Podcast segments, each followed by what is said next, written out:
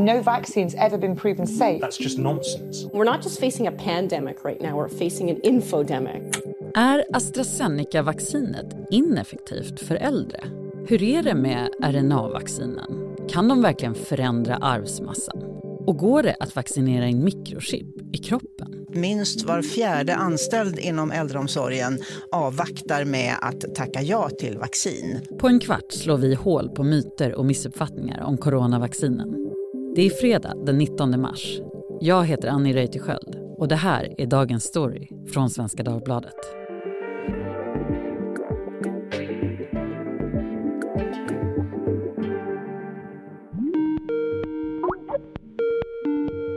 Ia Warendal. Ia Wadendal bevakar coronapandemin och medicinsk forskning. Och du har ju grottat ner dig i det här med vaccinen. Igår kom då EMA med resultatet av sin utvärdering. Berätta. Det som händer nu det är ju att eh, EMA ger eh, AstraZenecas vaccin grönt ljus. Men samtidigt så Eh, sa man också på pressträffen igår att det går inte helt att utesluta att det finns ett samband mellan det här, de här ovanliga biverkningarna och vaccinet. Så EMA kommer att fortsätta granska de rapporter som kommer in och eh, det framkom också att det gäller inte bara AstraZenecas vaccin utan även Pfizer-Biontechs och Modernas. Eh, det handlar om att det även i USA, där de här två vaccinen används, eh, där har man då upptäckt ett 30-tal fall ehm, med olika typer av blödningar. Sen eh, kom det igår också besked från forskare på Rikshospitalet i Oslo som säger sig ha hittat ett samband mellan Astras vaccin och de tre fall av eh, blodproppar i kombination med eh, ett lågt antal eller brist på blodplättar. Det här är säkerligen någonting som EMA har tagit med i beräkningen då när de kommer med sitt besked om fortsatta granskningar. Och det är väl ungefär vad vi vet nu. Ända sedan den här rekordsnabba framtagningen av vaccinet eh, sattes igång så har ju en hel del missförstånd och till och med falsk information om olika vaccin florerat. Vilken är den största missuppfattningen? Ja, det är nog att eh, många tycks tro att eh, vaccinen eh, inte är så effektiva och säkra eftersom de har tagits fram så snabbt.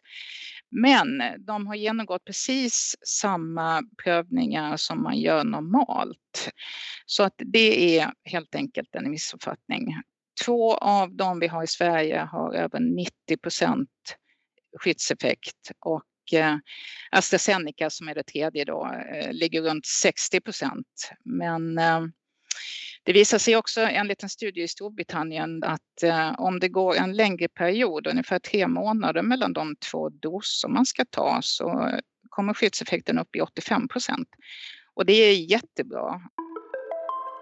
AstraZenecas vaccin pausas i hela Sverige efter misstänkta biverkningar. Under pandemin har Sverige gått sin egen väg och stoppet av AstraZenecas vaccin var inget undantag.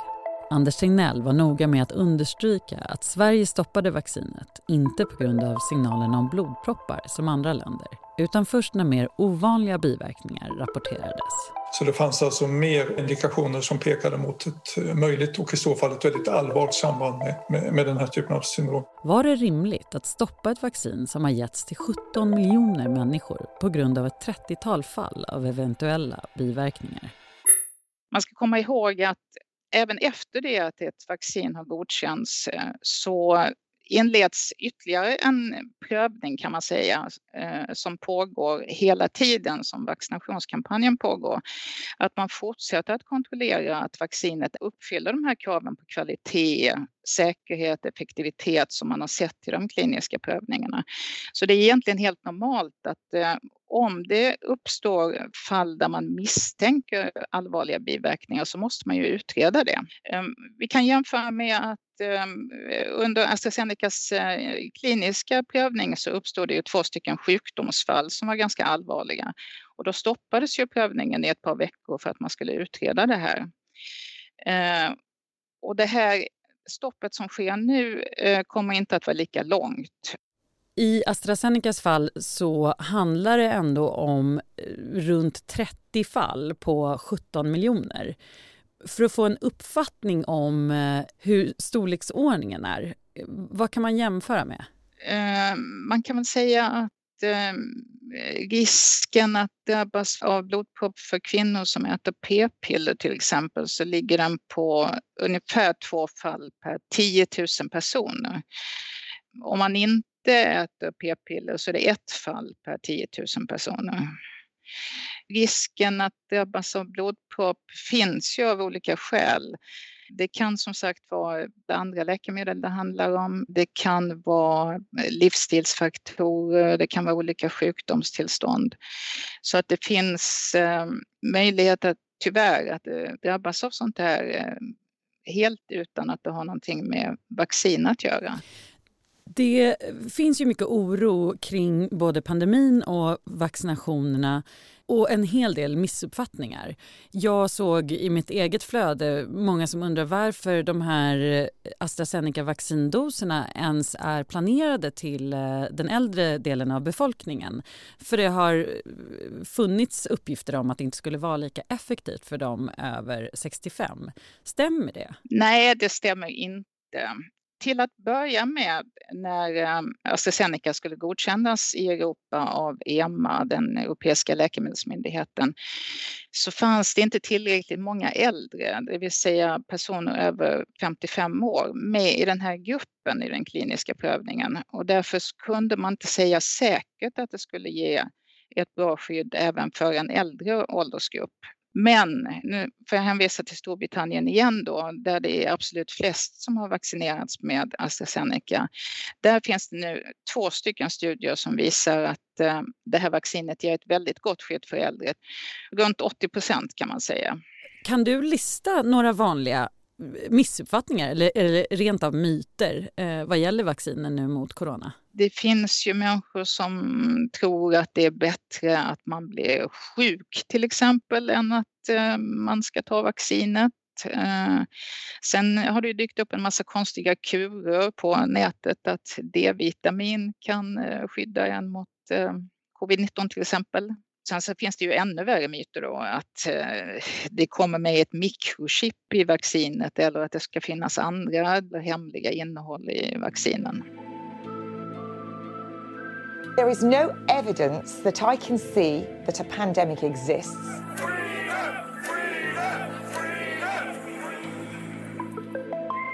Det är inte bara missuppfattningar och myter om coronavaccinen som cirkulerar numera. I veckan kom nyheten att AstraZeneca och andra vaccintillverkare har utsatts för utländsk påverkan. Myndigheten för samhällsskydd och beredskap, MSB, menar att så fort något negativt har rapporterats om ett vaccin så förstärker främmande makt den bilden. Med så mycket falsk information på nätet försöker Läkemedelsverket ge svar på de vanligaste missförstånden. Till exempel att vaccinen inte innehåller ett fungerande virus. Alltså man kan inte insjukna i covid-19 av själva vaccinet. Ja, du får vara vår, eh, vårt verktyg som slår hål på de här myterna. Vi tar en till. Eh, att kan vaccinet ändra arvsmassan? Nej, det kan det inte göra. Jag tror att de flesta tänker på RNA-vaccinerna då från eh, Pfizer, Biontech och Moderna. Det är inte samma sak som DNA. Det är en enklare variant kan man säga. Men RNA i det här fallet, eh, det fungerar bara som en slags budbärare till den mänskliga cellen att sätta igång, att trigga immunsystemet. Och RNA är någonting som bryts ner väldigt snabbt i kroppen så det finns inga som helst möjligheter att vaccinen kan förändra det DNA du har. Okej, det, det, det, kan ju verkligen låta stolligt men samtidigt så finns det ju ofta en gnutta sanning i, i de här sakerna som sen blir till myter, eller hur? D-vitamin eh, till exempel eh, stärker ju immunförsvaret. Ja, absolut. Det stärker immunförsvaret. Ett normalt kosttillskott av eh, D-vitamin under vintern kan vara bra, men det finns inga vetenskapliga belägg för att det ska skydda mot covid-19. Om vi tar det här lite mer eh, farfetched far-fetched som handlar om eh, mikrochip. Finns det någon anledning till att det har dykt upp som en möjlig oro? Jag vet inte, det känns ju som det är någonting som hör hemma eller är inspirerat av science fiction-filmer. Det finns ju en teknik vid MIT i USA där en person som vaccineras får ett streckkodsliknande märke på huden som vårdpersonalen kan läsa av sen för att se vilket vaccin den här personen har fått. Men det är inte en teknik man kan använda för att övervaka någon och det har ju ingenting med mikrochip att göra. De här massvaccinationerna har ju ändå rivit upp en eh, offentlig debatt om, eh, om man ska ta vaccin helt enkelt. Och det finns ju en antivaxrörelse. Hur påverkar det här stoppet av AstraZeneca, eh, tror du? Jag tror nog att de här antivaxarna eh, redan är så eh, cementerade i sin uppfattning att allt vaccin är av ondo. Så att eh, det påverkar väl inte dem speciellt mycket, men eh, det är möjligt att de kanske blir lite skadeglada. Men det som är viktigt här, det är ju att respektera att människor kan bli oroliga över sådana här eh, fall. Då. Därför så är det ju jätteviktigt att de granskande myndigheterna jobbar snabbt med att utreda misstankar om allvarliga biverkningar.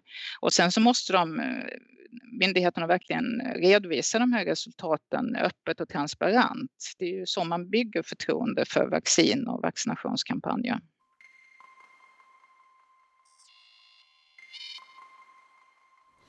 Vad vet man om vaccinens eh, verkan på de olika mutationerna? Där har det också kommit eh, olika bud om att eh, vaccinerna inte skulle rå på vissa mutationer. I nuläget så ser ju alla de som är aktuella ut att skydda mot den brittiska varianten. Den som är mest smittsam och som är mest dominerande nu. Sen har vi den här sydafrikanska varianten där det finns en mutation som tycks ha en förmåga att smita undan antikroppar som bildas av vaccin. Och eh, det finns en studie när det gäller Pfizer Biontech och Moderna som visar att de är ungefär 10 mindre effektiva mot just den sydafrikanska varianten. Enligt en studie som har publicerats i tidskriften Nature.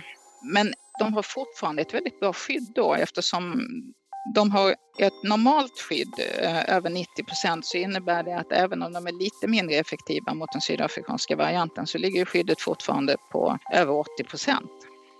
Det här senaste vaccinet som är på väg att bli godkänt i Europa från Janssen de har haft eh, kliniska försök i Sydafrika och där visade det sig att Ehm, de låg på runt 60 procent i effektivitet mot den sydafrikanska varianten. Eh, I USA och Storbritannien så ligger det här vaccinet på ungefär 84 procent. Så att det är en något lägre effektivitet mot varianten. Men fortfarande bra skulle jag säga. Eh, alltså det är på samma nivå som eh, vaccinen mot säsongsinfluensa. Jag tänkte att vi kunde också bara gå igenom några vanliga biverkningar eh, och om man ser någon skillnad eh, mellan eh, vaccinen. Ja, när det gäller vanliga biverkningar så är det ungefär eh, samma på alla tre. Eh, det finns en liten risk att man får eh, huvudvärk, eh, lite feber, kanske lite ont i armen runt eh, själva stället där man har fått injektionen. I något fall kan man få ledvärk det här är väldigt vanliga biverkningar och ofta så är de rätt milda och går över på en eller två dagar. Hur skulle du säga att de här missuppfattningarna om vaccinen och, och till och med myterna om vaccinen, hur allvarligt är det att de florerar? Det kommer alltid att finnas antivaxare eh, och det kommer alltid att finnas människor som är lite oroliga över att ta både vaccin och olika läkemedel därför att man är rädd för biverkningar. Men då måste man ju tänka vad är alternativet?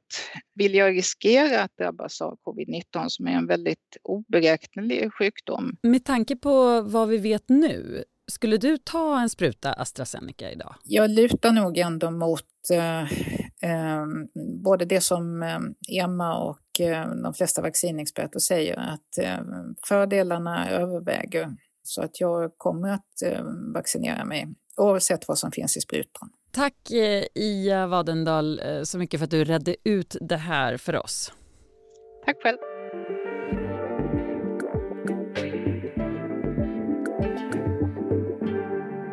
Och vill du höra starka men olika åsikter om aktuella frågor? Lyssna på Ledarredaktionen, en podd från Svenska Dagbladet.